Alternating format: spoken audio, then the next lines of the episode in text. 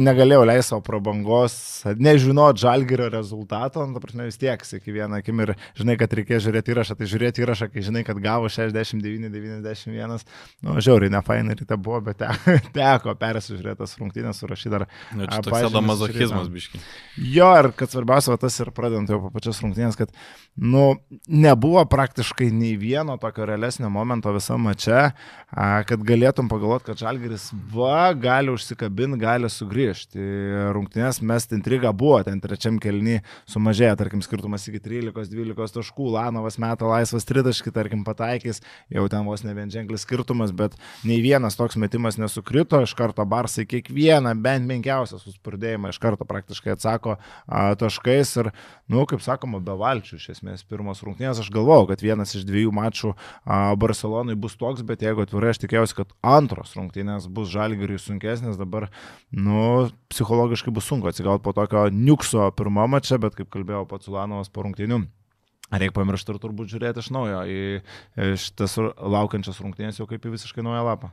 Jo, visiškai nežalgiriškos rungtynės, žalgiris labai daug, nu labai prastai pradėjo rungtynės, realiai pralaimėjo jas pirmam kelnį, o paskui žinai, kaip yra sunku pagauti Barsą, tai atrodė tiesiog kitas žvėris ir tas žvėris buvo per didelis žalgiriui, tai uh, pradėkim gal nuo to fiziškumo, per daug nenusimtų kamolių po savojų krepšių, Barsos daug antrųjų, trečiųjų šansų ir polime nieko nedavė Barsa Žalgiriui. Labai kibėgynėsi, labai sunku Žalgirio metimai ir mane šokiravo tas faktas, kad tik po pirmų 18 minučių buvo atliktas tas pirmas rezultatyvus perdavimas. Tai Matėm, kad Svičiovo nuo pat pirmų minučių taikė Žalgeris, bet Barsa jį išgliaudė. Nu, be, Man apskritai ta idėja su tuo startiniu penketu, Žalgeris visą reguliarų sezoną baigė su vienu penketuku, dabar įvyko tarsi vienas kintamasis penketė, vietoj Brasdeikio, Kevariusas Heisas, nu, bet tai iš esmės yra visiškai kitas penketas.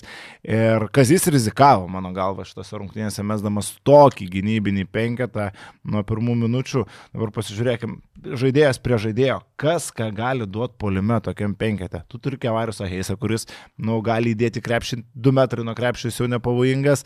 A, tu turi po traumos, neaišku, kaip į kondiciją einantį Eizėją Taylorą, tu nežinai, ką jisai tau duos pirmojo mačo pradžioje, tu turi Butkevičių, kurį taip mes mylim, liaupsinam ir taip toliau, bet tai yra, nu, žaidėjas renkantis atsitiktinius dažniausiai taškus, tu turi ne pačioje geriausioje formoje esantį šiuo metu polime Ulanovą ir tau lieka iš esmės polime kas vienas žaidėjas Šmitas, ant kurio tu statai, okei, okay, buvo mačų, kur Šmitas tikrai labai gerai pradėjo mačius ir rinko visus žalgerio taškus Münchenė. Šmitas ja, ja. ir patraukė pirmam kelinį žalgerį, tai tu viską polime statai ant vienos dviejų opcijų iš esmės ir viską grindi gynybą. Gynyboje žalgeris taip svičina iš karto ir a, nuo to atsiranda varžovo antrieji šansai, iš jų Barsas susikrauna pranašumą. Ar nu tas ėjimas tokiu penketu nu iš kartais nedavė a, naudos, Ignas Brasdeikas, aš galvoju, a, galėjo būti opcija vis dėlto rungtinių pradžia ir aš manau, kad šito startinio penketo žalgeris atsisakys, daugiau mes jo neišvysim bent jau serijoje prieš Barceloną, nes nureikia tų idėjų polime, aišku, nežinom, koks sugrįš Aizėja Tayloras, bet bent jau Igno Brasdeika man startinėme penkete, kuris kažką galėtų duoti polime vienas prieš vieną tikrai reikia.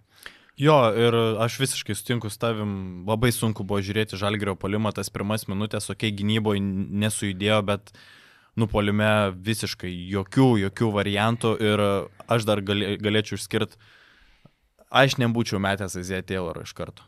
Uh, tu meti žaidėją, kuris nėra atsigavęs, uh, tu žinai, kad yra Satoranskis, kuris per tave gali viską versti. Realiai Satoranskis uh, Bet žinai, o, sorry, pertraukau su kuo tu eini tada su Lekavičium, nu, Lekavičius iš vis tos rungtynės ir šitoje serijoje turi būti slepiamas, eit be įžaidėjo, nu tai dar tu atimi iš vis kūrybą iš šito startinio penketo, nu idėja buvo, kad Ezija Tayloras bus geroje, tarkim, formoje ir jis pakrus tą polimą, aišku, kaip aš ir pats sakiau, kad Tayloras ne, ne formoje sugrįžęs po traumos ir tai nesigavo, bet turbūt idėja buvo. Na, nu, aš tiesiog eičiau su sveiku žaidėju, žinai, šito, šito atveju ne, nesutraumuotų, nes matėsi, kad Tayloras yra visiškai išsivystytas išsimušęs iš žaidybinio ritmo, du prarasti kamoliai, kūrybos irgi iš jo pusės tai nebuvo. Šiaip labai didelę problemą turi Žalgeris į žaidėjo poziciją vien gynyboje, nes nu, Satoranskis yra visiškas žvėris ir neišsprendžiama mislė Žalgeriui. Ok, jisai ten nesurinko kažkokios įspūdingos statistikos, bet niekas jo negalėjo atkirsti nuo prasiveržimo, jis nuolat įsiveržęs kurdavo persvaras ir puikiai atsimetnėdavo kamulį, nu, dominavo čekas tame mače ir buvo vienas iš tų game changerių. Tai ir žinai, dar kai tas žaidėjas, okei, okay, poliume, tai taip, jis duoda daug, bet jis dar gynybai ginasi prie žalgerio pagrindinį iš esmės kozerį tose rungtynėse. Edgarą Ulanovą, visi mes šnekėjom, kad okei, okay, Kaliničius vienas prieš vieną be pagalbų apsigins prieš Ulanovą, bet kad Satoranskis apsiginė prieš Ulanovą be pagalbų ir kūrybos iš posto, iš nusimetimų, nu, praktiškai nebuvo, Ulanovas liko su nuliu rezultatyvių perdavimų, ant galo ten jo buvo keli epizodai, kur tie rezultatyvūs perdavimai tarsi turėjo būti ir įrašyti, nes Kevariusas Heisas gavo gerą perdavimą, prametė iš pokrepšio pats, paskui pataisė metimą, tai tokių asistų pavoktų tarsi buvo, bet iš esmės esmės kūrybos e, nugarai krepšį iš Ulanovo mes nepamatėm ir prie to daug prisidėjo tas pats tavo tas įvardintas Tomašas Sataranskis. Jo, jo, visiškai žvėris, žvėris tikrai. Gerai, kad Žalgiris aišku išsitraukė tų o, koziriukų, kuriuos galbūt bus galima panaudoti kitose mačiuose, kad Davidas Gedraitis mestas pirmoje rungtynių pusėje mane asmeniškai nustebino ir Gedraitis, nu, nepasimetė iš tikrųjų šitą mačią, iš karto tas žaidimas vienas prieš vieną, ar ką Maksytis pabrėžė iš karto po rungtynių. Na, gerai, ką jis duoda polime, Gedraitis, tai yra šitose rungtynėse, ta prasme, jis sužaidė vienas prieš vieną, susimetė, bet jis gynyboje gali atstovėti ir žaidimas be tikrojo žaidėjo šį kartą žaid, veikia geriausiai. Žalgiris žaidė be Tayloro ir be Lekavičio, žaidė su vėl tais nekuriančiais pirmaisiais numeriais, tai yra Dimša ir Dovydu Gedraičiu ir nutom atkarpo man vos ne Žalgirio žaidimas atrodė geriausiai, kas būtų, kas skamba paradoksaliai iš tikrųjų. Tai ir buvo prie Dovio tas spurtas, dar Paunaros trajekas, kiek ten buvo minus 11, bet, bet Barsa labai lengvai atsakė. Aš šiaip skeptiškai žiūriu į Davido kūną, į Davido dydį Eurolygos kontekste. Vakar pamatėm, okei, okay, ten Dovis įmetė du, du, du džemperiukus, bet uh, Šiaip tai, nu, prieš tokį kaip Satoranskis, aišku, tu negali sakyti, kad Satoranskis yra standartinis žaidėjas, visgi jis yra didesnis nei, nei standartas, tai matėm vieną prasiveržimą, nu, be visiškai kažko. Tai žinai, tokių kaip Satoranskis pirmoje pozicijoje daugiau, nu, turbūt Tomasas Volkupas, aš daugiau nelabai kažką ir sugalvoju, ja. du tokie pagrindiniai kuriejai, tai čia nedovido Ketraičio problema, jis kaip žaidėjas, kaip antras, pirmas numeris, daugiau aišku, antras numeris, nu, prieš kitus tokių didelių mismečių neturėtų, kaip turėjo prieš na, tą patį Satoranskio. Jeigu kas prieš rungtynės būtų turbūt geriausių žaidėjus paprašė išskirti 0,0001 procentos ir gali būtų spėję, kad Gedrainis ir Polonara bus tie žaidėjai, apie kuriuos dar bus galima kažką daugiau teigiamą pasakyti. Nu, okei, okay, Birutis dar. Birutis, man atrodo, netgi šiek tiek perlaikyti tas ant suolo arba per mažai laikytas aikštėje, jeigu taip išreiškiant, su Gnyba Žalgirio neveikia niekaip. Nei su Biručiu, nei be Biručio varžovai. Barcelona susikurdavo progas visų pirma perimetre, su geru kamulio judėjimu, bet koks vėlavimas buvo baudžiamas tritaškais, bet su Biručiu atsirado dar viena papildoma opcija polime. Tuos įmetimus arčiau krepšio jisai išnaudojo gana neblogai. Ir antrus šansus. Ant, taip, antrus šansus, kuris ir dar nu šiek tiek buvo ir nesėkmės. Sertačas Šanli, taip, visi kalbam, kad jis yra išplečiantis aikštę aukštūgis, tačiau nu jis ne visada tai pataiko, kaip pataikė vakar. Vakar metimai sukrito, nu nieko nepadarysi, kažkokias rizikas. Aš galvoju, Žalgiris tai Sertačio Šanli gali taikyti. Taip, 2-3 taškai iš 3 vakar, tačiau kitame mače gali būti 0 iš 3 ir tai manęs visiškai nenustebintų. Taip, taip. Tas, ta pati Barsas, čia viena iš silpnųjų vietų yra, jeigu tu birutis, tai penktą poziciją. Nu, birutis tikrai įrodė šį sezoną, kad gali gerai žaisti nugarą.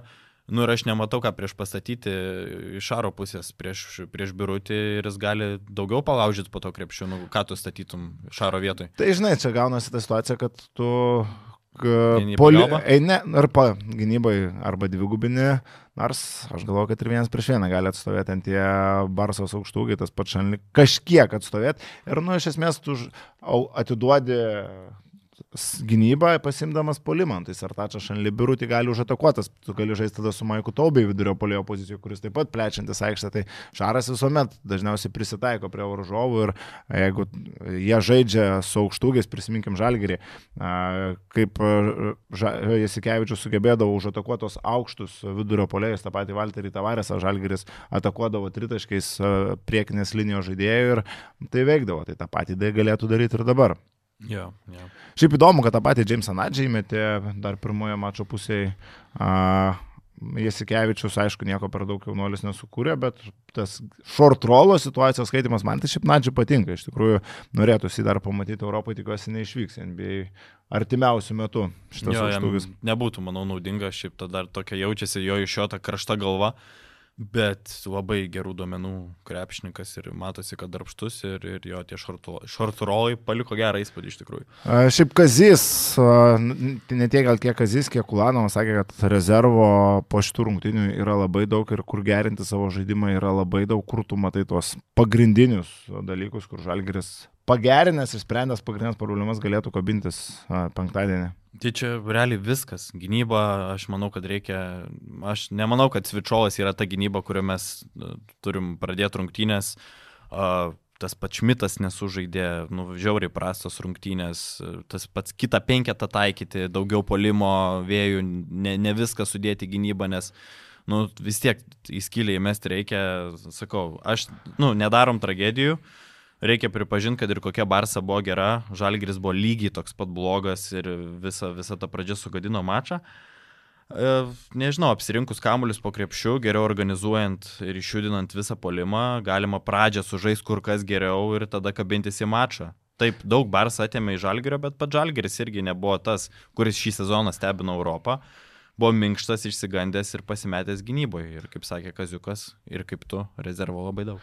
Šiaip kas blogiausia po šitų rungtinių, kad tas prieskonis burnoje liko, kad Žalgiris prašiausiai pasirodė iš visų aštuonių atkrintamųjų komandų kitose rungtynėse. Intrigos buvo daugiau praktiškai visur, viskas laikėsi iki ketvirto kelnių pabaigų.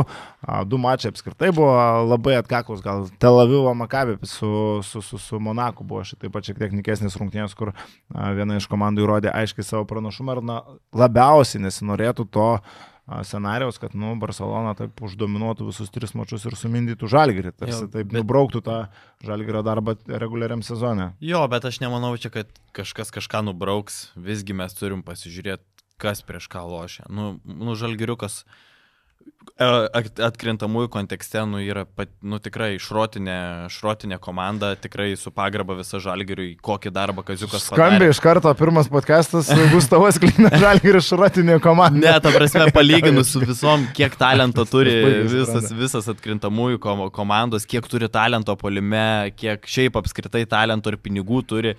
Tai žalgiriukas čia yra labai stipriai krentantis iš konteksto, tai aš manau, kad kad ir jeigu pasibaigs serija 3-0, e, aišku, manau, kovos tikrai duos Žalgiris, bet jeigu ir 3-0 pasibaigs serija, mes tiesiog iš to Žalgirio turim didžiuotis ir, ir, ir tiek. Ir žinai, tas ir yra, tarkim, vakar žiūri Fenerbakčio rungtynės ir Dimitris Itudis nesiryšta leisti rungtynį, jeigu tokių žaidėjų kaip Karsenas Edvardas, kaip nesiryšta leisti Kosto ant to kumpų be ketvirto kelnio pabaigos ir tu matai, kai Kaziukas turi nuo solo kel Dovydą Gedraitį, žaidėją, kuris visą sezoną prasirgęs, nesužaidęs iki tol nu nei vieno solidesnio mačo Eurolygoje ir Kazys jo pasitikė, Kazys sueina atkrintamosios rungtynės. Ar čia nu, nėra iš gero gyvenimo? Žalgirio tas solelis, žiūrint, kaip ir sakai, vienas prie vieno, lyginant su to pačia Barcelona ar su kitom atkrintamųjų komandom, nu, tikrai yra šiek tiek ne to lygio ir vien tai, kad Žalgiris yra atkrintamosios, jau čia yra milžiniškas pasiekimas. Ja, aš vis tiek manau, kad Žalgiris bent vienas rungtynės turėtų pasimti. Nes, sakau, tų rezervų, nu, sakau, žalgeris, kad ir koks jisai, kaip ir sakiau, šrotinis, bet, nu, vakar tragiškas rungtynės sužaidė, žiūrint ir viso sezono kontekste, nu, labai mažai tokių prastų rungtynių turėjo kauniečiai ir netikiu, kad pasikartos tas pats scenarius. Nu, labai prastai vakar buvo ir, ir, ir aš manau, kad kabinsis Hebra. Kažkiek ir perdegė vis tiek, nu, kas iš Žalgiro žaidėjų yra matę tokių, tokios svarbos rungtynių kaip Eurolygos atkrintamosios, tai yra tas pats Edgaras Ulanovas, na ir įdomiausia, kad galbūt ir perdegė tie, kurie ir yra Rūlė, matę. Tai jo, Rūlė, Ulanovas, Šmitas, tai tas galbūt kažkiek keista, bet iš esmės tu žiūri kitų žaidėjų patirtį ir matai, kas yra priešingoje barikadų pusėje, kad ir kiek tu kalbėsi prieš rungtynės, prieš seriją, kad nu, mes esame underdogai, niekas iš mūsų nieko daug nesitikė, bet mes einam kovoti, bet vis tiek tiek tas spaudimas yra. Aišku, tu žaidži nutriušusioje Palau Blaugranos arenoje, kur gal šiek tiek numuša tą atkrintamųjų įtampėlę, nes, nu, žiūrint transliaciją, man nesijautė, kad ten yra atkrintamųjų vaibas ir atkrintamųjų šau kažkoks sukurtas dar kažkur. Tu paskui žiūri. Nebuvo žalgerio fanų, nu, čia jau durnizmas iš iš kitos pusės. Slapstėsi, kiek mačiau, jų keletas pažįstamų. Buvo ten šimtas keliasdešimt, ten tų, kur per klubą, kur privalo įleidinėti, yra priešininkų sektorius, o kitose sektoriuose tai tiesiog e, pirko, nežinau, turbūt. Su Barsos šaliku sėdi ir skanduoja žalį grėžinį. Žinai, pasikeitė IP, nusipirka kaip su ispanišku IP adresą, kas tave patikrins kaip tu, kokią tu komandą palaikai, jeigu tu eini be atributikos. Tai tų paprastų lietuvių, ten per, pergudravusių katalonišką, ispanišką sistemą, tai buvo, man atrodo, Enes ir girdėjosi to žalgerio palaikymas, aišku, jis būtų girdėjęs gerokai solidžiau, jeigu rungtynės būtų kiek kitokios, bet apie, apie, tautiečiai tautie, katalonų internetinės gudrybės. Lietuviai yra lietuviai. A, aišku, daug kas jau čia turbūt susiplanavo visą savaitę, kaip ir mūsų kolegos. Jeigu jau skrendi į Barceloną, tai turbūt skrendi dviem rungtynėm dėl vienų a, skris neverta. A, Barcelonos ir galiu, aišku, Lietuvoje turbūt per daug nesitikėsim. Reikia ir... neįleisti iš vis. Tai į finalinį ketvirtą galim neįsileisti nieko. Žalgirio atsakymas, ką dar apie šitas rungtynės kažką turim? Blemba, žinai, šiaip apie žalgiriuką tikrai daugiau pakalbėtumėm, bet, nu, nu, iš, nu, labai. Šiaip, lab, labai, žinai, nebuvo jokio kabliuko, kad kažkas tokio įvyktų, kad turėtumėm apie ką labai daug šnekėti. Nu, sukalė, tiesiog. Ir, ir viskas. Rezume, sukalė, prastas rungtynės iš žalgerio pusės ir galima tikrai geriau. Tai neparodo žalgerio, nu, tai neparodo kokią paigi Barsą. Šitas mačas e, kažkiek parodo, kiek prastai sužaidė Žalgeris, aš manau. Žalgeris nuo bet ko, iš tų aštuonių, na, septynių komandų be Žalgerio būtų gavęs į vieną kasą darbą, ką prisiminiau, tai a, apie Brasdeikį užsiminiau, kad startiniam penketą tarsi turėjo ar būti ir, nu, Igno Brasdeikio žaidimas vienas prieš vieną, kad ir trešiau tose minutėse, kai jau niekas a, per daug nesisprendė, nu buvo ta idėja, kuri gali suveikti kitose rungtynėse. Brasdeikis įsiveržęs į baudos aikštelę, panašu, kad net ir tokiai gynybai, net ir tokiai komandai kaip Barcelona gali kelti grėsmę. Tai vad paėmus tuos keli žaidimo komponentus, Birutis, Brasdeikis, juos dar labiau nuglūdinus, pridėjus tritaškių pataikymą, du tritaškai, pridėjus geresnį kamulio judėjimą ir uh, šiek tiek atėmus metimų bent jau iš Barcelono su tom per giliom pagalbom, numušusių procentą, to gausi iš karto galimybės bėgti tranzicijoje ir nu bent jau laikytis kovoje, ką Žalgiris dažniausiai ir daro šį sezoną, tai išlaiko tą kovinį atstumą iki 50 taškų, e, eina į lemiamas minutės, tada jau su tuo smogiamoju gynybiniu penketu arba laimi arba ne. Tai tas scenarius, mano nuomonė, vis dar tikėtinas antrosios serijos rungtynėse. Ir aš irgi, kaip ir tu, netikiu, kad Žalgiris čia sausai pasims tą 0-3, aišku, po pirmų rungtynių mintys niurokos, vaizdas buvo baisus, bet serija dar tikrai nesibaigė. Jo, tik sakau, dar noriu dar kartą pabrėžti tiem, kas čia mačiau ir komentaro, kad ai čia be kovos ir panašiai. Skaitai, ką neto komentaruose, anksčiau skaitydavai gyvatę. Ir, ir aš, vis, aš visų portalų ir, ir savo buvusios darbo, darbovietės pliusas esu Vasketniusą ir, ir viską paskaitau. Tai tie, kurie underestimateina žalgerį, čia labai lietuviškai išsireiškiu, kurie nurašinėja žalgyrį ir kurie sako, kad čia, nu, kaip čia gali būti jokios kovos patekusi atkrintamasias, tai Hebra palyginkit sudėtis e, ir, ir panu pasižiūrėkit, kas prieš ką žaidžia. Ir, nu, aš manau, kad atsakymą rasit. Gerai, galim turbūt drąsiai eiti jau prie kitų, vakar dienos rungtynių. A, labai įdomi serija, iš tikrųjų, kur mažai kas galbūt ir tikėjosi realios intrigos prie Olimpijos prieš Stambulo Fenerbakčią, vis tik pirma komanda prieš aštuntą Olimpijos prieš atkrintamasias ir kovų, prieš atkrintamųjų kovų pradžią demonstravo, na, drąsiai sakau, geriausią žaidimą Eurolygoje, Fenerbakčia, iš tų, kurios pateko į atkrintamasias žaidė prašiausiai pagal savo galimybės tas pralaimėjimas Cervenas Vesdai. Ir na, tas, tas paradoksas gavosi, vakar suvedžiau, kad na, Olimpijakos žaidė a, praktiškai prieš savo ištrauktą atkrintamasis komandas. Nes viskas galiausiai susidėliojo taip, jeigu uh, Oli būtų gavę nuo Baskų, tai ne Žalgiriui padarė paslaugą galiausiai. Jie padarė paslaugą Fenerbakčia, būtent jie būtų neišėję po to, kai paaiškėjo, kad Žalgiris laimėjo, tai Olimpijokos gavosi, kad pasirinko varžovus ir ten tų peripetijų, tų a, mikro dvikovų, vien trenerio postė yra viena labai įdomi, Barcokas prieš šitūdį, tai čia bus klasika, a, manau, po kelių metų bus galima dar kalbėti apie šitą dviejų graikų kistatą, yra dar viena įdomi mikro dvikova, Tomasas Volkupas prieš Tylerį Dorsį, du naujai, vienas seniau iškaptas graikas, vienas naujai iškaptas graikas, pretenduojantis į tą pačią poziciją rinkinį, tai tikrai labai įdomi serija ir kuo vakar a, buvo galima įstikinti, kad Fenerbakčia šiek tiek per stipriai yra nurašoma. Pirmus du kelinius Fenerbakčia visai gerai laikėsi, laikėsi ir prieš tą smogiamai Oli penketuką, bet ką, trečiam kelinį atsitiko Aizija Kenanas. Jo, atsitiko Aizija Kenanas, šiaip jie subirėjo tiek polime, tiek gynyboje po pertraukos. Pradė, pradėsiu nuo polimo, tai labai mažai kokybės buvo Fenerbakčia polime, daug pramestų dvitaškių klaidos, kurios konvertavosi į tas greitas olimpijakos atakas ir uh, labai lengvai tiek Slukas, tiek Volkupas ištampydavo Fenerio gynybą, kas leido 5 iš 6 tritaškių Kenanui susimesti praktiškai apylaisviui. Nei, nei vieno metimo Kenanas nesusikūrė pats realiai, tai buvo prasta Fenerio gynyba ir tas vienas trajek, trajekas praktiškai nuo logotipo, kur buvo išimtis. Toliau visur įtudžio kompanijos klaidos ir, ir, ir, ir tau tesnis klausimas.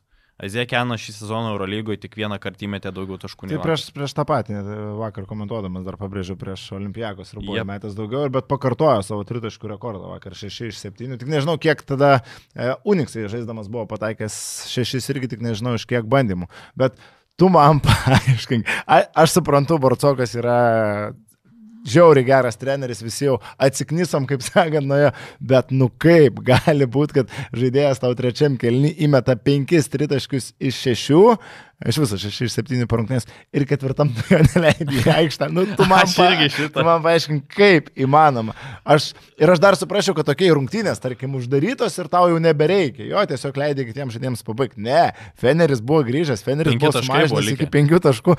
Ne, tau visas rungtynės Kostas Lukas e, su nuliu taškų sėdė, jis tau nieko gero neduoda, Makisikas irgi tušęs, tu žaidži vis tiek pagal iš ankstinį planą su Luku ir Makisiku. Numatyt e, odos, odos dujo analizatorių komentatorius Oly savininko pasakė kitaip, sako, atnešė lapelį Barcokui, nu va šitas turi žaisti tiek ir tiek. Ir, ir, Ma, man nesuvokiama, tarkim, kaip kazys, žinai, a, per lemiamą tą sezono stadiją aiškino, kad kiekvienose rungtynėse tu prisitaikai prie situacijos, okei, okay, tas nesužaidė kelių minučių, viskas, tu iš rotacijos išimi, ieškai, kas gali žaisti ir nu ta, tas minutės skirstai galvoja jau rungtynių eigoje ir mes matėm, kaip Lukošiūnas buvo, tarkim, įtrauktas tam tikrose mačiuose, išplėtė savo minutės, kaip Polonara buvo nustumiamas į suolo galą, nes savo minučių nesužaidė. Čia ne, čia viskas eina pagal minutės, nesvarbu, Keninas susimeta penkis tritaškus, ketvirtam kelni, Aizija Keninas nežais, Lukas Slukas a, su nuliu taškų sėdėjo, Slukas žaidžia lemiamoje atkarpo. Ir, ir žinai, ką žiauriausia, Ir suveikė Slukas. Jo, jo, jo, Slukas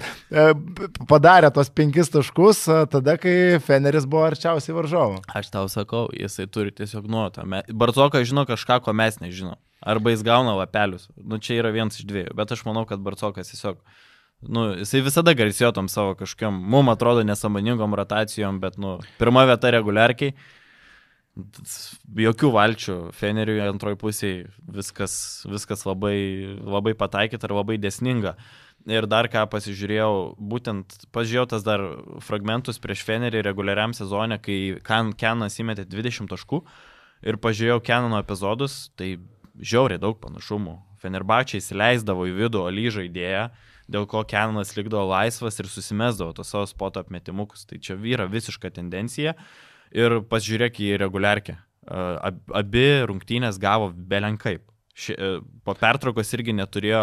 neturėjo nu, man tai čia atkaklus mačas, aš šiek tiek kitaip žiūrėčiau. Įtas e, susikrojo pranašumą ketvirtam kelnį, ketvirtam kelnį dar buvo penki taškai, nu Feneris davė kovą, čia negali sakyti, kad buvo tas pats, kas reguliarkiai, mano nuomonė. Jo, bet aš kalbu apie tendencijas gynyboje. Mm. Uh, tu vis tiek ten dasileidai iki, nu, prieini iki penkių taškų, bet tu paskui vis tiek vėl paleidi, paleidi rungtynės. Uh, Tai iš, iš kur ta tendencija, kodėl, kodėl taip kodėl tie gynyboje problemų turi Feneris. Ir Feneris gynyboje problemų daugiausiai pradėjo turėti antrose pusėse, ir aš čia kalbu ne tik apie mačą su Olimpijakos, bet tas pats buvo ir paskutinėse reguliaraus sezono mačuose, bent keliose, ir nu, aš vis tiek tai siečiau su o, per dideliu minučių skaičiumi lyderiams.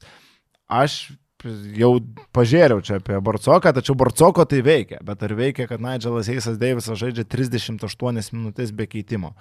Ok, uh, aptrupėjus rotacija, nėra Devino Bukerio, Geiko nėra, bet, nu, tu vis tiek turi atsarginių žaidėjų solelį, tai ilgesnį nei kad turi Kazis Maksytis ar Kauno Žalgris. Ir, nu, ar tikrai nebuvo galima Metečano Birseno išmesti į aikštę porai minučių pirmoji rungtynių pusėje, ar būtinai pralaikyti ant suolo iki pat mačo pabaigos. Aš jau nekalbu apie Karseną Edvardsą, kuris irgi pasirodo jau tik, kai rungtinių likimas yra visiškai aiškus.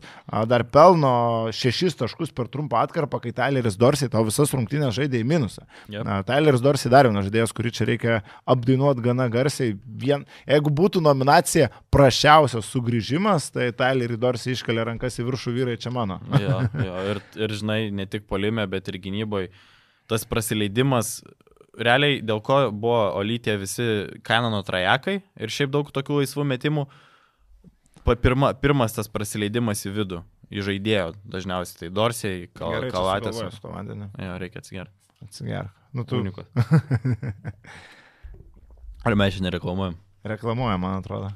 Edga grįž paaiškins, kaip žodžiu, tam reklamą, žodžiu, mes tiesiog atsigeriam. tai va, kokia buvo mintis, tai visa, visos gynybos spragos prasidėdavo nuo žaidėjo prastos gynybos ir jie įsileisdavo į baudos aikštelę ir tada atsimetinėdavo kamolius arba ištampydavo gynybą. Tai jo, aš nesuprantu, kodėl Karsinas Edvardsas yra šitiek mažai laikomas aikšteliai jis nėra ten kažkoks gynybos genijus ar, ar, ar, panašiai, bet mes kalbam tiesiog apie šviežumą, žinai, reikia daugiau šviežių kūnų, nes, nu, tiesiog 3-0 bus, jeigu... jeigu... Ir žinai, Eurolygoje pastaruoju metu iš vis buvo iškritęs iš rotacijos Turkijoje, tai žaidžia, tai nežaidžia, nu labai, keik keis, keista padėtis man šio žaidėjo Stambulo Fenerbakčio ekipoje. Aišku, jeigu grįžtų Skoti Vilbekinas į rotaciją, tiesiog pavardė iki pat rungtinių pabaigos buvo klaustukas, nu tai faktas, kad Edvardsas šimtų procentų nežaistų nei sekundės, bet kai Skoti Vilbekino nėra, Dorsiai tau žaidžia itin prastas rungtynės nepabandyti Karseno Edvardso kažkiek anksčiau. Ta pati Melika Mahmutoglu išmetė 3 sekundėm antro kelnio pabaigoje ir tada jau tik uh, visiškai antroji pusė. Ieškojo, aišku, bandė, tarkim, surasti uh, kažką, kas tau gali naudoti, bet Melikas 0 iš 3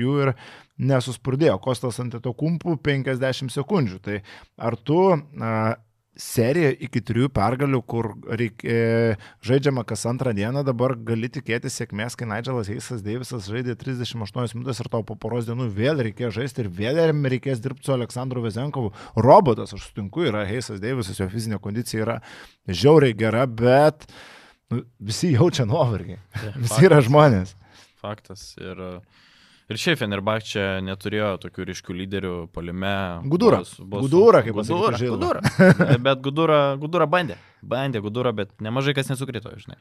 Uh, Motliai bandė, Guduričius bandė, bet, nu, tai neprilygo tam duetui Olimpijakoso Vezenkovo. Šiaip prieš Vezenkovo gynybą reikia pakcentuoti, kad nebuvo prasta.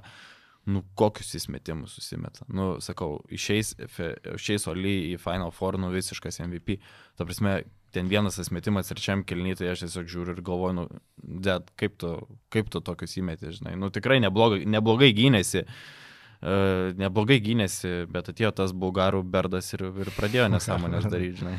Dar paminėjai apie Jonathan Mauklį, tai aš pastebėčiau, kad Mauklį taškus gerai rinkosi prieš na, Tariką Bleką, kai Olimpijakos žaidė su Mustafa Falu, nu, Mauklį kentėjo, neįpratęs prieš save turėti didesnių ir stipresnių varžovų Mautliai ir to kontakto momentais net laikė tas pats Mustafa Falas savo taškus rinko neklyzdamas, visas progas išnaudojo, dar vienas faktorius šiose rungtynėse tai buvo galingas a, prancūzo žaidimas, o Guduričius tai šiaip a, irgi šiek tiek gal per vėlai netgi pradėjo imtis iniciatyvas, jam rungtynės ėjus patraukė tą komandą a, ketvirtam kelnį ir būtent Guduričius tam buvo gražinės intrigą, bet neužteko, jo, šiaip 12 taškų 6 asistai, tai ant uh, Guduričiaus pečių iš esmės ir laikėsi dar Fenerbakčia kažkiek šitose rungtynėse.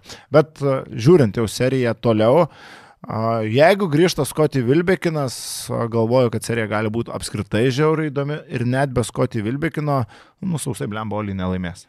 Aš manau, kad laimės, žinau. Sausai, sakai, pasims? Mm, aš pagal reguliario sezono tendencijas ir, ir šį mačą, man jis netrodė toks artimas, nu, toks kompetityvus kaip tau. Aš gal matai, kavos buvau prigeręs komentuodamas, man ten viskas tai, tai, tai belia kaip įdomu, ten taip taškasi man. Arba, arba, arba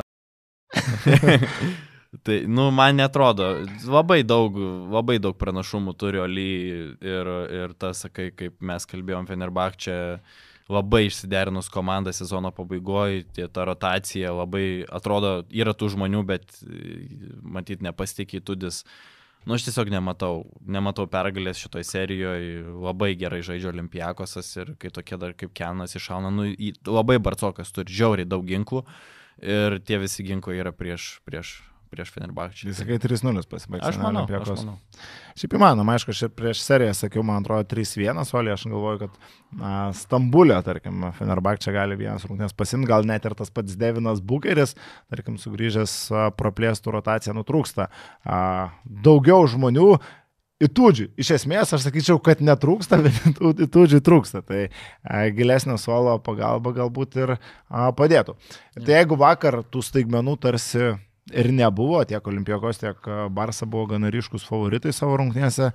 Tai antradienį sensacijom aš to tų pergalių nepavadinčiau, bet vis dėlto laimėjo tos komandos, kurios reguliariai liko žemiau, liko penktoje ir šeštose vietose. Kažkuris mačas tave labiau nustebino, Real pralaimėjimas ar vis dėlto Monako pralaimėjimas? Uh, manęs, nežinau, šiaip Real Partizan man labai apilgės komandos. Šiaip, šiaip nenustebino nei vienas rezultatas, nes aš, aš sėdžiu visiškai mama kabi benvagone ir, ir, ir sėdžiu Partizano benvagone. Tai, tai pasakysiu taip, pirmą eina Kiaušai, paskui Kevinas Panteris. Mm. Nu jo, okei, okay, dabar kai... ką tu? Apie šitas fanas? Ne, aš tai galvoju, okei, okay, viskas tvarkoja, Partizanas tikrai pasėmė smagę pergalę ir nuopelnai čia ir Želko su tuo įimu rungtinių startą su Alenu Smailagičium startiniam penketą, kuris išplėtė žaidimą ir Kevinas Panteris, kaip sakė, nu ketvirtam kelinį. Tiesiog buvo žvėris, bet, žinai, ar Kevinas Panteris tokius metimus susimes visada, Aš nežinau, ar Gabrielis Dekas taip gali žaisti visas, tarkim, penkias serijos rungtynės, mano nuomonė, taip gali. Ir va čia yra skirtumas tarp Madrido Real ir Partizan a, stiprybių. Nu, bet Zed, aš suprantu, Panteris įmetė tą metimą, bet tu per daug, manau, akcentuoji, kad Panteris, okei, okay, nu, jo, jis įmetė tą metimą, bet Partizanas turi žiauriai daug ginklų. Mm. Turi, turi savo tuos vadinamus, man patiko, kaip kolegos tinklaudys, pavadinamus šunis, uh, Jamas Madaras, tas pats Aleksa Avramovičius, tas pats Mailagičius, žiauriai geras, žiauriai gera opcija prieš Tavarėsą. Ir Panteris, Lydėjus, Lezoras, labai daug ginklų turi, turi Partizanas. Taip, Dekas žiauriai gerai žaidžia ir praktiškai bus X faktorius visos serijos metu, nes neturi ką prieš pastatyti. Matei Lydėjus, kaip gynėsi prieš Deką. Kaip, nežinau, nu, kaip labai prastai, žinai. Nenoriu įžeidinėti, bet prastai, tiesiog pasakysiu. Matai, daug kas vis tiek šitoje serijoje, aš galvoju, priklausys, ar Tavaresas galėjo žaisti pirminį informaciją, kad nieko ten per daug rimto nenutiko, ar atstatys Tavaresą iki antrų rungtynių. Ir čia aš sugruočiau dar to faktorium, kad, žinai, Čiūsas Matėjo daug kritikos gauna, daug kas ir juokiasi, bet uh, ne tai, kad juokiasi, bet nu, nelaiko jo ten elitinių trenerių priešingai nei praktiškai visų kitų a, to paštų nesančių komandų. Nu, sureaguoti jam rungtinių eigoje, kad iškrenta tavo pagrindinis vidurio polėjas ir dar a, tu neturi rotacijoje Vansano porė, nu nėra lengva. Realą žaidė tuo žemesniu penketu, Geršonas Jėbuselė, aišku, su savo fiziniais duomenimis gali pažaisti vidurio polėjo poziciją ir gali pažaisti arčiau krepšio, bet nu, tai buvo žaidimas iš bėdos ir tai buvo prisitaikymas prie situacijos jau rungtinių eigoje, kai turės laiko prieš rungtynės, jeigu, tarkim, Tavaresas nežais, tai jau bus apskritai daugiau laiko pasiruošti ir susidėlioti savo žaidimą. E, jeigu Tavaresas žaidžia, nurealas vis tiek yra mano galva favoritas ir iš toj serijoje, ir ypatingai antrosiose serijos rungtynės namuose, namuose aš galvoju, kad na, Partizanui tiesiog vis tiek tokioje serijoje pritrūks ilgesnio atsarginių žaidėjų solelio. Gerai, pirmama čia iššovė Smailagičius, nesubirėjo ir kiti na, į aikštę mesti ten tie jaunuoliai, bet uh, suolo gilio, žaidžiant su Realu, kuris turi daug gilesnę rotaciją, turi visose pozicijose po keli žaidėjus, gali pritrūkti ir čia bus pagrindinis Realo pranašumas. Nu, žinai, kaip tu tą rotaciją traktuosi, po, ne, neaišku, koks grįš Vincentas Poirier, koks Kornelė.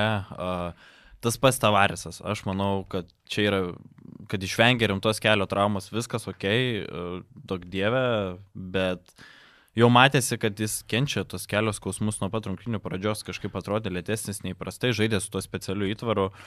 Ir, ir aš manau, kad jis šį sezoną, ta prasme, nebebus jau šimtaprocentinis, bent jau... Uh, jis visą šį štai... sezoną nežaidžia taip, kaip, tarkim, žaidė praėjusius metus, jeigu vien žiūrėtumėm į skaičius, jie yra gana ženkliai. Jo, bet aš Kritam. noriu pasakyti, ką, kad e, Partizanas turi didžiulį mismečą dabar po krepšio. Nu, žiauriai, žiaurų mismečą ir... Ta prasme, jeigu nežaidžia Tavaresas, ar žaidžia Tavaresas, nes, nu, jeigu Tavaresas žaidžia, tai Lesoras pradžio rungtinių nieko įspūdingo. Tavaresas bus avarinis, aš tau rimtai, nu, aš, aš, aš tai prognozuoju, aš tau sakau, žinok, ne, ta prasme rimtai, Tavaresas bus avarinis, jis bus tikrai ne šimtų procentų žais traumuotas ir Želko tikrai su Smailagiančiam dar labiau galės e, daryti pranašumą. Netikiu aš, kad Smailagičius ne vieneriose rungtynėse savo visoje serijoje gali tapti rimtų faktorium. Vienas mačas, kiek dabar čia surinko 11 taškų,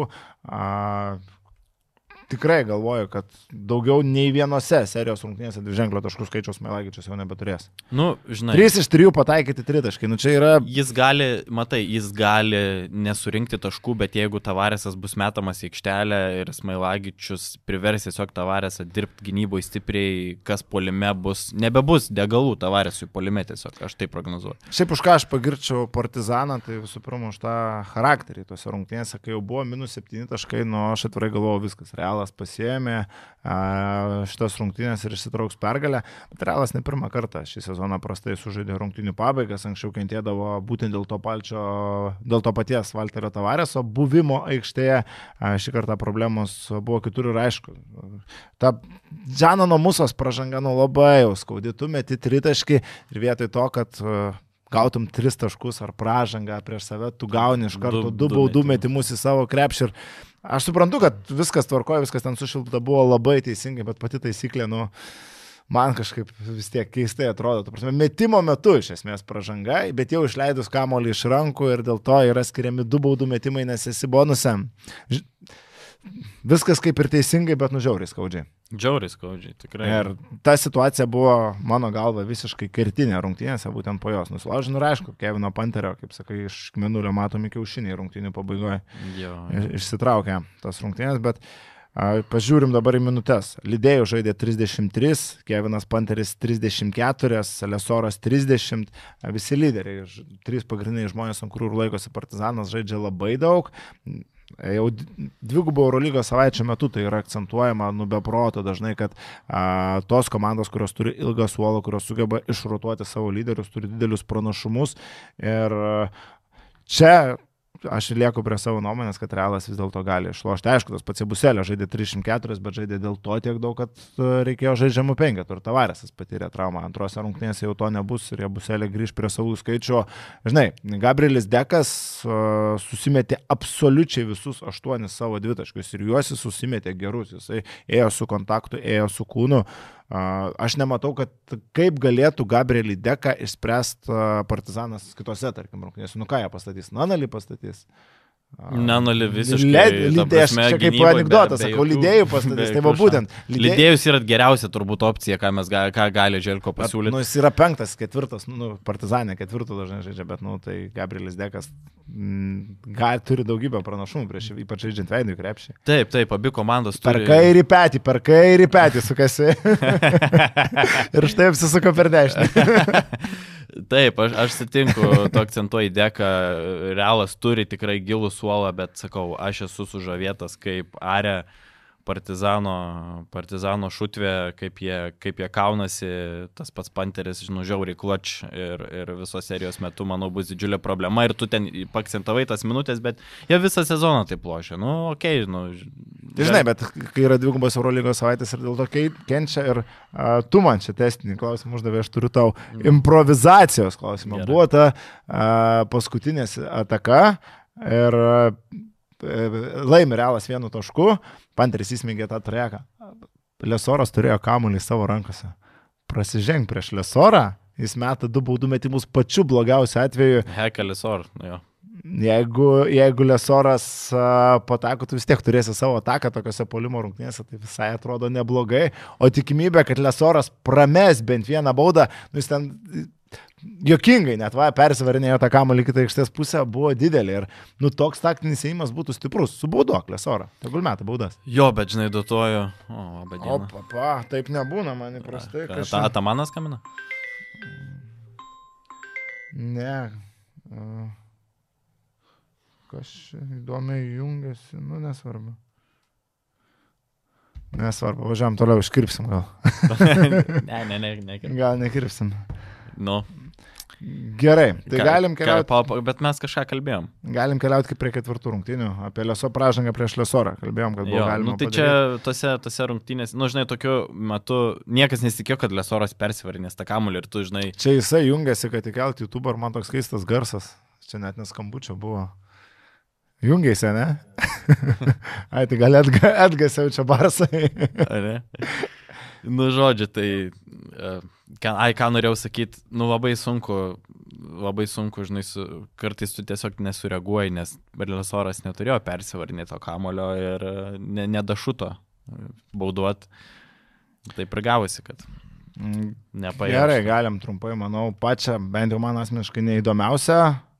Neįdomiausias rungtynės, nu, Žalgirio būtų neįdomiausias, bet mums Žalgiris įdomu dėl to, kad ten Žalgiris, Monakas Makabi, nu, rungtynės man asmeniškai buvo nikiausias iš visų likusių trijų, Makabis gana užtikrintai rodė savo pranašumą. Taip, Monakas prastai visą sezoną metą iš trijų taškų zonos, bet kad atkrintamosiams prasidėjus visi trys e, lyderiai mes tragiškai, Elio Kobo vienas iš septynių, Jordanas Lloydas nulis iš šešių ir Maikas Džeimsas vienas iš penkių tritaškai. Tai susumavus turime vienas iš 18 pataikytų tolimų metimų per tris perimetro žaidėjus. Kaip tu tai paaiškintum? Labai paprastai, Monakas pakeitė lankus prieš rungtynės. Žinai, iš tą bairį. Ne. Bet čia jie gal, aš suveikė, turbūt aš nežinau, ar jie čia iš tikrųjų bandė padaryti šitą bairį, kad, a, okei, okay, mes ar taip ar taip nepataikom tritaškų, tai pakeiskim lankus, kad ir varžovams būtų sunkiau, bet gavosi, kad pakeitė lankus, Makabis nepataikė, bet jie patys iš vis tragiškai pataikė. Nes šitas bairis iš tikrųjų yra, kad Monakas prieš rungtynės, nežinau, kiek laiko likus, bet pakeitė lankus. Nu, čia galvoji, kad rimtai dėl to? Ne, tai kad Monakas prastai pataiko iš toli, tai čia nėra kažkokia naujovė ir jie prastai meta vis, viso sezono metu, bet tokių metimų, kur spjovė lankas, kietas lankas, tikrai buvo abiem komandom nemažai. Čia nesakau, kad dėl to abi komandos metė prastai, bet toks cinkelis buvo. Čia kaip čiapas sako, na, kietytose, tai palangoji tie Kai, kai lankai. kitam podcast'e sėdėjai, taip iš čia pat stipriai ne. Man kaip tik per kiekvieną, po kiekvienų podcastų rašydavo, kad aš negeriu. Dabar, dabar jau čia, Dabar- pas mane dabar. Ne, ne, čia linkėjimai, čia viskas, viskas mes, mes draugai, viskas gerai. Gerai, tai kuo tu paaiškintum tas tritaškus? Aš, aš tai taip paaiškinčiau. Nu, man nu, dviejų skirtingų nusteikimų komandos buvo. Viena atėjo sudraskyti varžovus, kita pavaidinti, kad kovoja. Man, man pas Monako trūko ugnies, ryšto priimant sprendimus, toks netikėjimas, ką darai, labai daug atsainių perdavimų, kurie baigėsi klaidomis ir leido Makabai pasileisti į tą greitą polimą. Nežinau, atrodė, kad nu, Monakas su panarintum nosim bandė kažką, kažką spręsti, o Makabai kaip kumštis darė dalykus. Tai aš manau, kad vienas iš to pataikymo priežasčių yra kažkokios tai problemos ir viduje. Ir kažkas su nusiteikimu, nu man, sakau, Monako netrodo tas Monako, kai, kuris dominavo sezono, sezono pradžioj, sezono vidury, dabar labai išsibalansavus komanda ir, sakau, man trūko tos tokios, nu, pas, Mona, pas, pas Makabi matosi, kad Hebra plėšosi, o čia buvo toksai po vieną daug pastangų. Daug e, Monako žaidimo šį sezoną buvo pavieniui. Aš tai vis tiek, kaip oficialiai didžiausias Michael Jameso hateris Lietuvoje, aš netikiu Jameso galimybėmis išvesti komandą į na, pusfinalį. Kol kas tai buvo vieną kartą, kad Michael Jamesas a, pateko į Eurolygos finalinį ketvirtą ir tai buvo labai seniai ir jis net nebuvo kertinis žaidėjas. A, Daugiau Michael Jamesas visuomet a, straglina atkrintamosiose varžybose. Pernai tokiai a, serija nukeliavo Olimpijų prieėmė iki paskutinių rungtynių, bet vis tiek pralaimėjo. Tai aš, kad ir kaip banaliai tai skambėtų, aš galvoju, kad Michael Jameso komandos tiesiog nesutvertas laimėti serijų ir kažką pasiekti a, ryškaus. Pats Maikas Džeimsas, pažiūrėkime jo pasiekimus per karjerą, sveikinimai jam iškovojus du kartus Graikijos čempionų titulą. Uhu, viskas. Okay. Nu. Tuo ir baigėsi. Aišku, nu čia atsiras vėl žmonės, kurie kalbės, nu tai čia ne, ne vienas žaidėjas lemia ir taip toliau, bet nu tai yra tendencija, kad tokių metų krepšininkas per savo karjerą vis dar neturi jokių skambesnių pasiekimų komandinių. Individualus apdovanojimai yra viena. Komandinių Maikas Džeimsas kaip ir sakau, savo trofėjų lentynoje turi iškovotus du Graikijos čempionų lygos titulus. Tai yra praktiškai viskas. Nu dar dvi Graikijos taurės, sveikinimai ir su tuo. Ir Italijos super taurė, atsiprašau, dar Italijos super kopo. Jau baigiai? Gerai. Uh, nu, jo, tavo tie visi argumentai, jie yra realiai teisingi. Bet žiūrint, kaip Maikas Džeimsas žaidė Monako tiek praėjusią sezoną, tiek šį sezoną, uh, Man jis yra lyderis ir geras lyderis, labai e, stengiasi pirmame čia, aišku, kai kurie metimai nesukrito, bet aš labiau akcentuočiau čia ne ant Maiko Jameso, šitoje serijoje trūksta pagalbos iš kitų žaidėjų. Jamesas, okei, okay, nu, ten ar prastas lyderis, ar kažką, aš manau, kad jis yra geras lyderis. E, ir, ir, ir, ir tai įrodė praėjusią sezoną, nuvesdamas dar kuklesnę Monako komandą iki penktų rungtynių ir, ir šį sezoną labai daug rungtynių ištraukė, bet aš manau, kad tiesiog Monako reikia daugiau daugiau, nu, reikia daugiau pagalbos Džeimsui tiesiog. Šiaip Elio Kobo buvo ne Monako Elio Kobo šiose rungtynėse, Prancūzijos rungtynėse, Kobo mes matėm, kaip jis nesusitvarkė su savo užduotimis Europos čempionate, nors aišku, prancūzai neėjo iki finalo, bet pats O Kobo buvo tikimasi, kad bus vienas iš tos komandos lyderių ir pilnavertis rotacijos žaidėjas, vienas iš polimo, viena iš polimo šių to nebuvo. Ir žiūrėdamas va šitas rungtynės kažkaip būtent ir prisiminiau, koks Okobo buvo prastas ten, toks pats jis buvo man ir šiose rungtynėse. Bet čia vėl, tarsi galėtum sakyti, kad atėjus lemiamoms kovoms Okobo žaidžia prastai, bet prisimeni, kad jis pernai su Osveliu tą patį Monaką Prancūzijos čempionato finale praktiškai vienas atbeldė. Tai kaip ir šitas argumentas negalioja. nu, jo. Nes atbeldė gal dėl to, kad Monakas turėjo Maiką Džeimsą. Tai čia. Na gerai, čia jau nereikia tų konspiracijos teorijų. Uh, šiaip sakau, aš manau, kad pas Monaką yra kažkas negerai viduj. Tas, ta pati Dimaus spaudos konferencija, čia kai Kaune buvo, aš manau, kad jie yra apsipykę, susipykę, žaidžia, čia kaip atsimenu, legendinė grupė Foje. Sako, mes ateidavom į koncą, be jokių kalbų paspausdavom viens kitam rankas, atgrodavom ir išeidavom.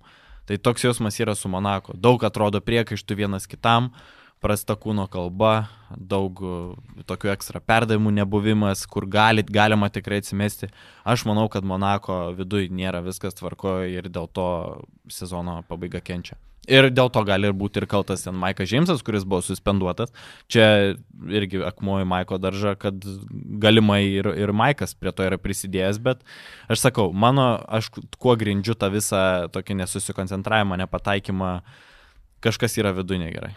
Reikia pasižvalgus, nežinau, gal Edgaras, Edgaras Paukovskis ir Gabrielė Miknevičiūtė nuvyks. Į Monaką. Įsiaiškinti. Ne, nežinau, ar į jų, į jų kelionę įeina maršrutas į Monaką. Ir šitą seriją, jeigu taip uždarant, turbūt ją, manau, kad svarbiausios serijos rungtynės jau įvyko. Makabis savo darbą padarė, laimėdamas bent vieną rungtynės išvyko, Tel Avive jie išsitrauks abu mačius. Kaip be šansų. Ne, aš sakau, kad tarkim dabar Monakas gali išlyginti serijos rezultatą namie, kas, yra, kas ir būtų turbūt dėsninga ir būtų logiška. Bet Tel Avive, nu, Makabis šiemet žaidžia tiesiog fantastiškai ir aš galvoju, kad Tel Avive serija ar baigsis.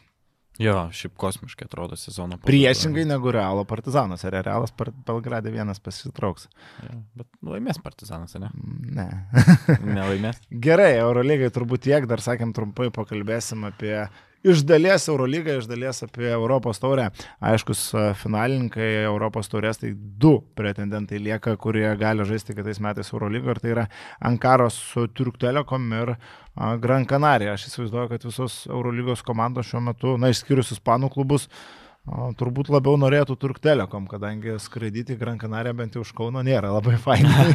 Ačiū tas tavo pagrindinis toks, argumentas. Pagrim, toks pagrindinis argumentas žiūrint iš Žalgirio perspektyvos, jeigu a, apie Eurolygos, apie šitų komandų, ką jos gali duoti Eurolygai, nu man vakar ir apskritai šį sezoną Turk Telekomas paliko labai gerą įspūdį ir aš čia visų pirma siečiau su vyriausiųjų treneriu Ardemas Čanas, vadovauja Ankaros komandai, strategas eilę metų pradirbęs Želko pašonėje, Stambulo Fenerbakčio ekipo ir jau tuomet būdavo kalbama, kad va čia auga asistentas, kuris dar vienas artimiausių metų gali tapti puikiu strategu. Pirmi metai vyriausiojo trenerio poste Ankaros klubas pirmauja Turkijoje, palikęs pavėsi ir tą patį Fenerbak, čia toli ten kažkur Erginas Atamanas su savo liurbiais.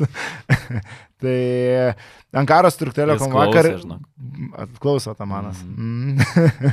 tai jie patys turbūt sutinka, kad šį sezoną pasirodė tikrai kaip liurbiai, su tokia sudėtim čia niekaip kitaip ir nepavadinsi. O a, vakar rungtynės, aš sakyčiau, būtent Ardemas Šanas aš traukiu savo komandai pergalę prieš Prometėjų, palikti tokią komandą tiek toli nuo savųjų vidurkių, atimti praktiškai tą greitą žaidimą, nu, buvo labai gražu žiūrėti, kaip susitvarkė Ankaros Turktelekom gynyba. Ir, uh, rotacijos tarsi neturi, suolas tarsi prastas, bet lyderiai turi pasitikėjimą, lyderiai a, žaidžia daug, ant jų viskas laikosi, čia ne Eurolyga, čia nereikia žaisti kas dvi dienas, tu turi savaitės pertrauką palisėti ir tas pats Tony Tayloras, tai Rikas Džonsas, labai solidus vidurio polės ir aišku, Džerianas Grantas, krepšininkas, kuris sudegė Milano Armanė ekipoje visiškai naujom spalvom pražydo Ankaroje ir dar kartą turbūt įrodė, kad yra verta žaisti Eurolygai.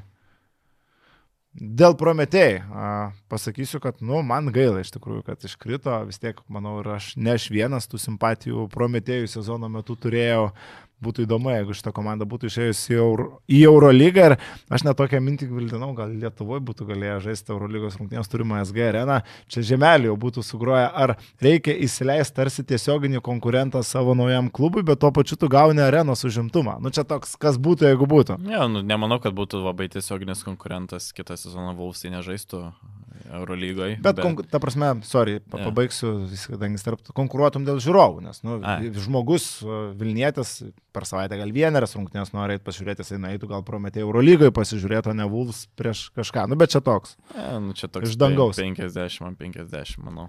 Netgi dar gal pagočiau. Aš, aš taip kaip fanas turbūt netgi Vuls eičiau. Nu, pažiūrėti. Bet, lemba, jeigu Prometėjai žaidžia su kokiu nu, geru Eurolygos klubu, nors galvoju. Na, nu, okei, okay, kelis kartus aš... nueičiau ten, kelis ten, bet... Nu, ja. Taip, bet taip, čia taip. toks jo.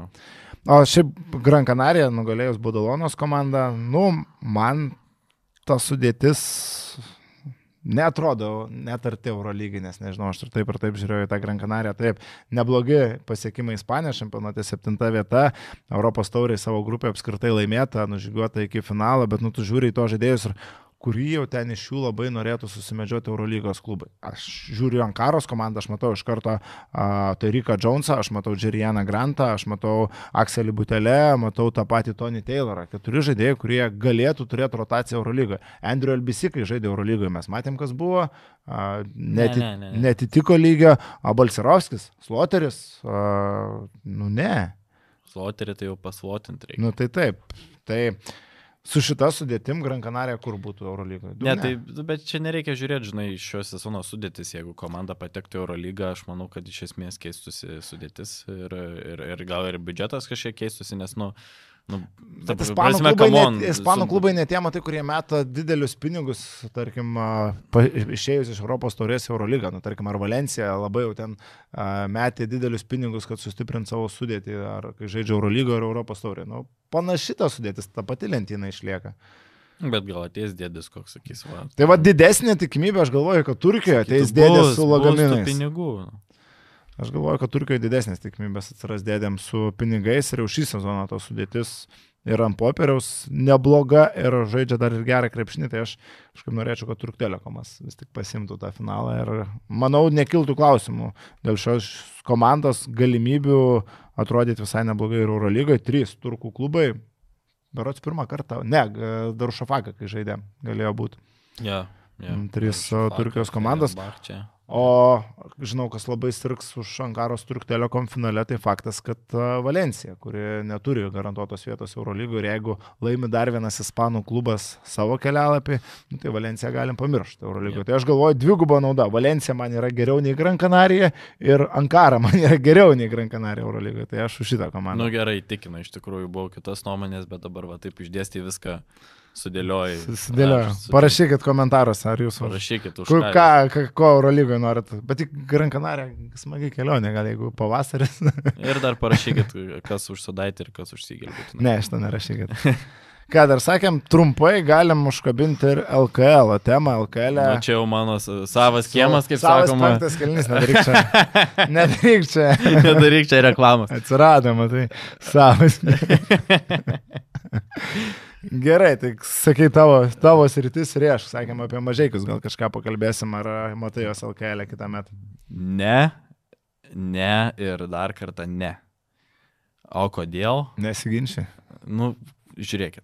Dabar, nu, pa- pakalbėkim apie dalykus. Nei jokios infrastruktūros, kol kas nei biudžetas ar atitraukia, net neturi projekto. Kam tokią organizaciją reikia pritempinėti prie LKL lygio? Tai yra dar tokia besivystanti, tik prasi, pra, pradėjusi vystytis organizacija nuo nulio. Pažiūrėkim, kur mažiekiai buvo prieš dviejus, trejus metus. Jie buvo šiknoj.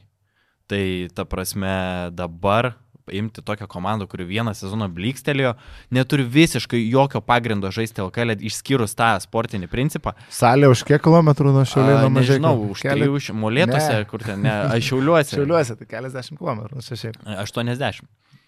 Tai nei čia kažkokias fanų, nei, nei tie fanai ten tiek važiuotų, aš nežinau, nu mažai kiek fanai matėm, štelšiuose viskas. Vantos Ai, dar te- bardakas, vantos bardakas važiuotų, bet jau ten, žinai, Jo, jo, jo. keliasdešimt žmonių. Jo, tai aš sakau, man jau garždai yra pritemta organizacija, kai aš sužinojau, kad LKL, LKL, nu, kad, kad LKL komanda nesitreniruoja saliai, kurioje žaidžia namų rungtynės, jie kurie tik Nu, tai turi lygiai pamėtymą. tas pats. Nu, bet Vulfsai jie Jie turi. biršto netreniruojasi. Nu, Bet jie gali, jie gali, žinai, jie turi galimybę. O Mhm. aš kalbu apie galimybės, tą patį turėjimą, žinai, o garždai tiesiog, nu, matai, Vulsai biški kito lygio komanda, jie gal gali ten su, nu, meistriškumas biški kitoks, žinai.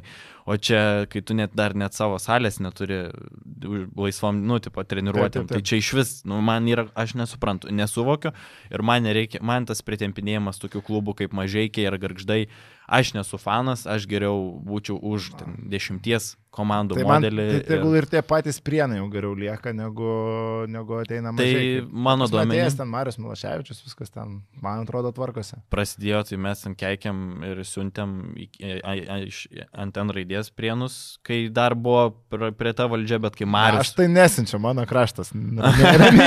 Gerai, gerai.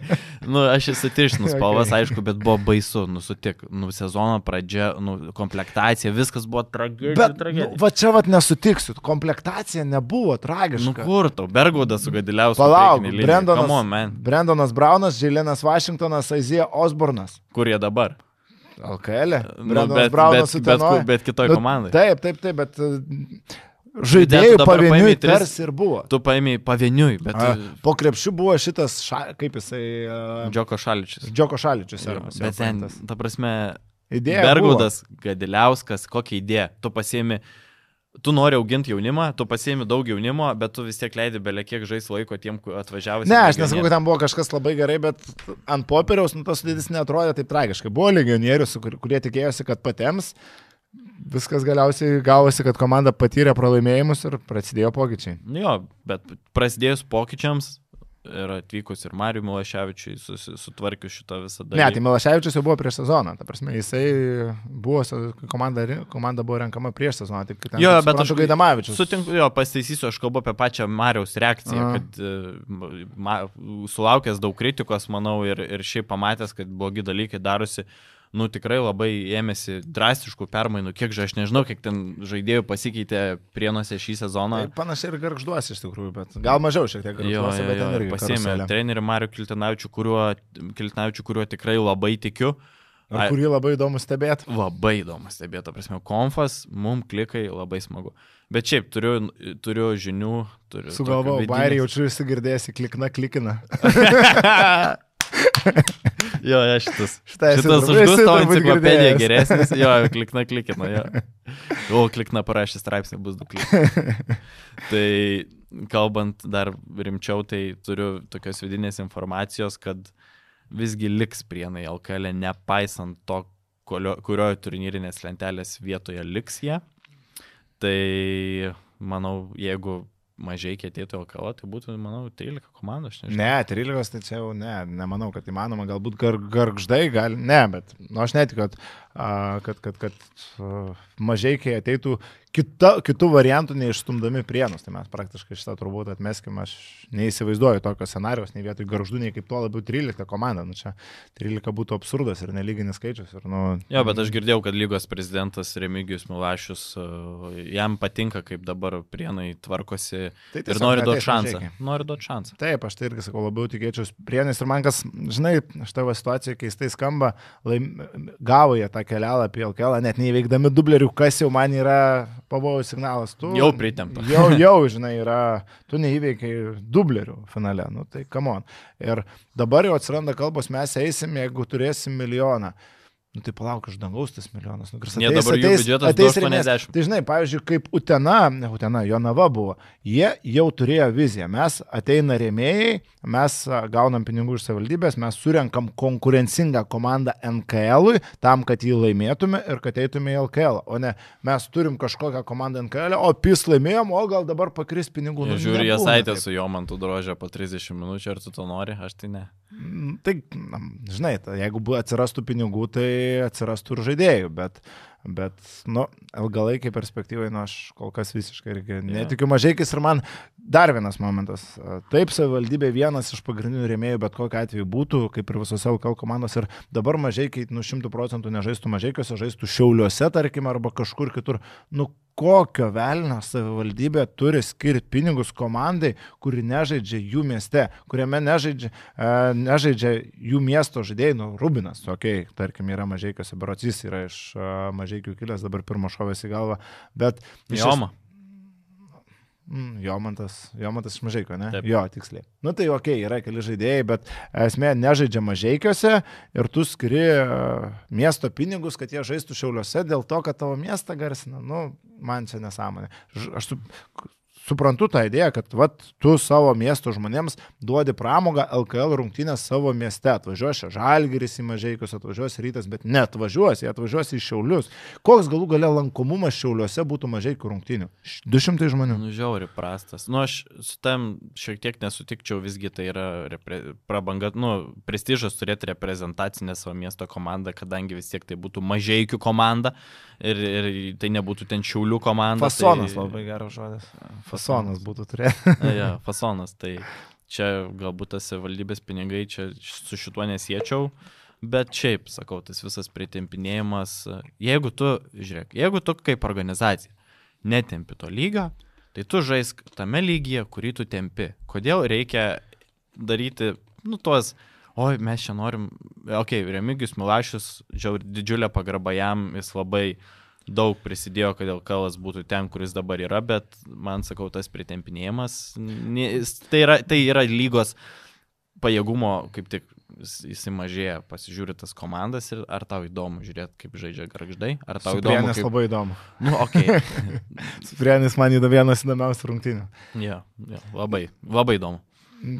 Tarkim, ne visada, žinai, komandos lygis irgi nusako įdomumą. Jeigu ta komanda turi kažkokį cinkelį, tarkim, nevėžės, šiemet apskritai yra konkurencingas, pernai jis buvo silpnesnis, bet jis turėjo jaunų žaidėjų ir žaisdavo įdomų krepšinį ir įdomu pasižiūrėti. Man, tarkim, ir į prienus šį sezoną būdavo karts nuo karto, nu, visai įdomu pasižiūrėti. Dėl to paties Marijos Kaltinavičiaus, dėl a, tam tikrų žaidėjų, man buvo įdomu pažiūrėti, kaip Tauras Jogėla gali atrodyti Lietuvos krepšinio lygoje. Nu, tų kažkokių aspektų gali yra, rasti. Jo, yra. O man mažiausiai razinkų, nu, tai pieno žvaigždėse, čia vienareikšmiškai šį sezoną. Vienintelė komanda, kur turbūt, nu, nebent su kažkuo geru žaidžia, kad įsijungia rungtynės. Nu, sorry, bet, rašymas Jonas Gilonas.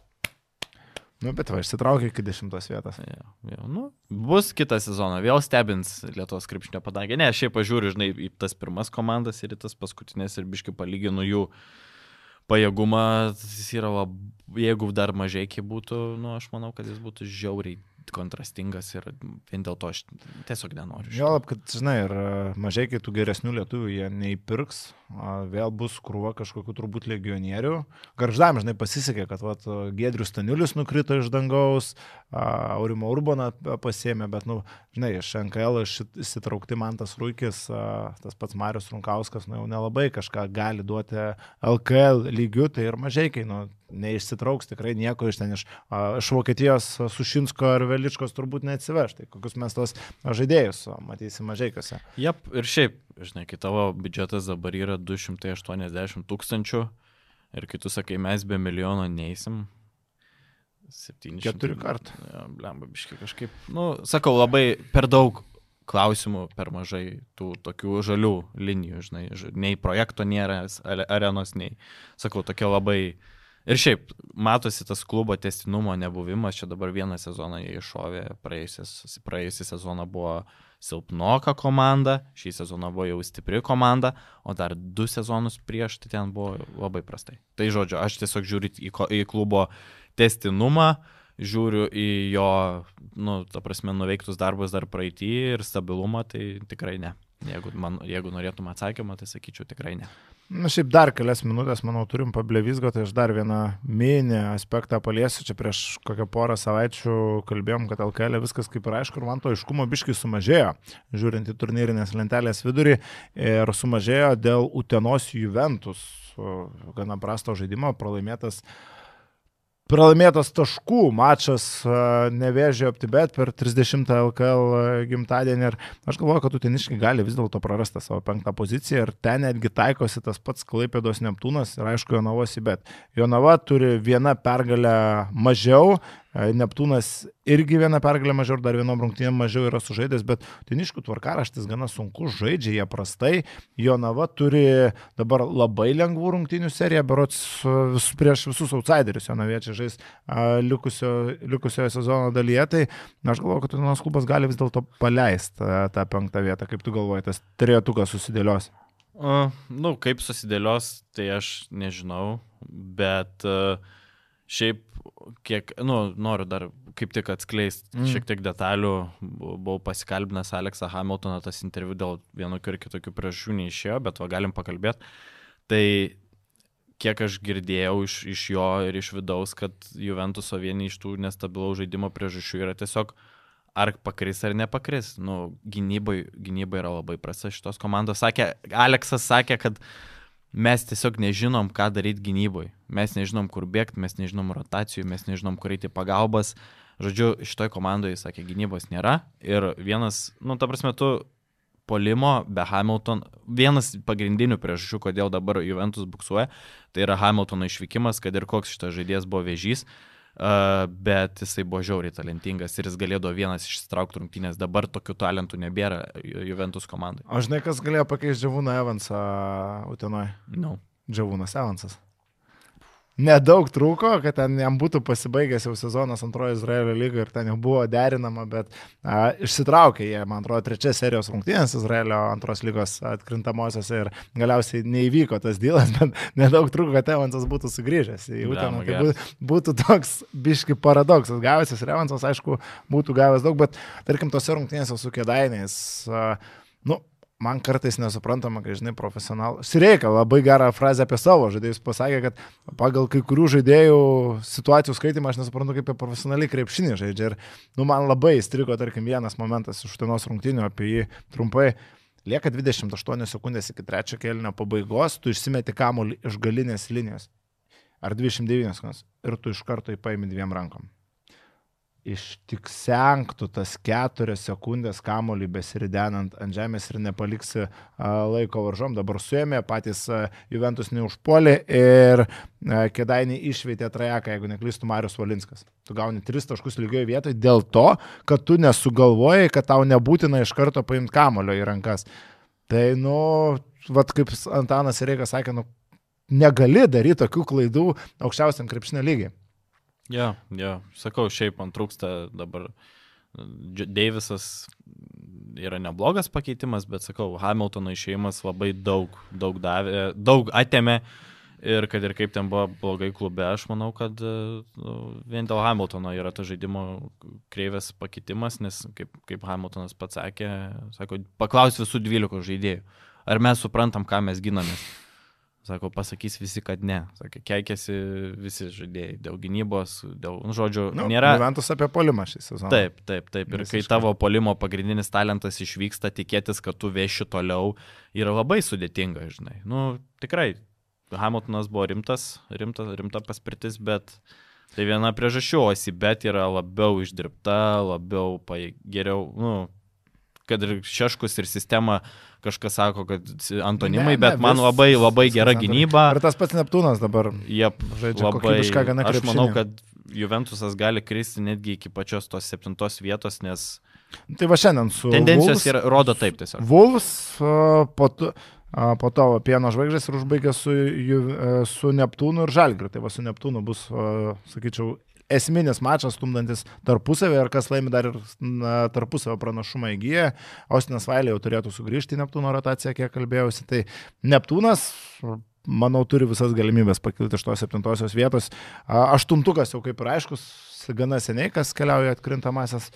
Ką, man atrodo, užteks šiandien, ne? Nu, aštuntukas dar nėra aiškus. Aiškus, šiauliai. Šiauliai su nevėžiu, optibe turi po lygiai pergalių. Ir Ne, vieną Šiauliai dar- pergalę daugiau turi nevėžės. A, jo, biškinė tai pažiūrėjau. Nu, taip. Ir bet- nevėžės pranašumą, man atrodo, turi. Ir šiauliai prastai Nu, žaidžia. bet Čia dar gali būti dalykų, Antanas, aš. Na, nu, aišku, Varnas, aišku, Varnas sugrįžęs duoda nemažai, bet dar nėra pačios geriausios sportinės formos. Tai matysim, aš kažkaip nebejoju, kad nevėžės bus aštuntukė ir žais su žalgiu atkrintamosios. Tai ką? Nu ką, pradėjom žalgerių, barsą, Baigėm šiauliais, nevėžiu, žiauriai daug paėmėm. Ačiū, kad pakvietėt. Tai čia Labai- nepakvietėm, čia jau tu dirbi, kad Ai, jo rimtai. Ai, atsiprašau tada. Prisimink, kas nors klaus, kur dirbi, tai Jo, jo, žinai, dirbi. sėdžiu čia ir galvoju, kur čia čia pas. Ačiū, kad pakvietė. Buvo malonu pasisvečiuosi. Ja, ne, ne, bus dalykų, tikrai likit įsijungę. Šiaip pakilesnė, jau mačiau, pastebėjo, kad jau tavo pavardė prie straipsnio atsirado, jau ten buvo dar komentaras. Sulaukiau daug šiaip žinučių labai, tai ačiū už palaikymą ir už, ir už heitą. Ir ačiū, kad kas manot, kad Rokas geriau už mane savam kiemę, tai visiškai nepritariu, Rokas visiškai netinka šitam podcastui ir su manimis būtų žymiai geresnis, aišku, jokauju, labai matau, kaip labai viskas tinka, labai viskas gražiai ir be manęs klostosi, bet šiaip likite įsijungę, bus, bus dalykų, darysim, bus dar vien, Na, dar laukia, žiūrėsim, gal, galbūt dar laukia, nežinau. Mūsų bosas Edgaras Paukovskis jau kaip ir patvirtino, bet laukia dar viena tinkalaidė, tai likite įsijungę, čia mes pridarysim. dar Ko, ko Lietuvai trūko dar vieno krepšinio patį. Dar vieną krepšinio Baigiam. podcastą. Ačiū, kad žiūrėjote. Ačiū, kad- Nepamirškit laiko ir subscribe iki. Ačiū viso.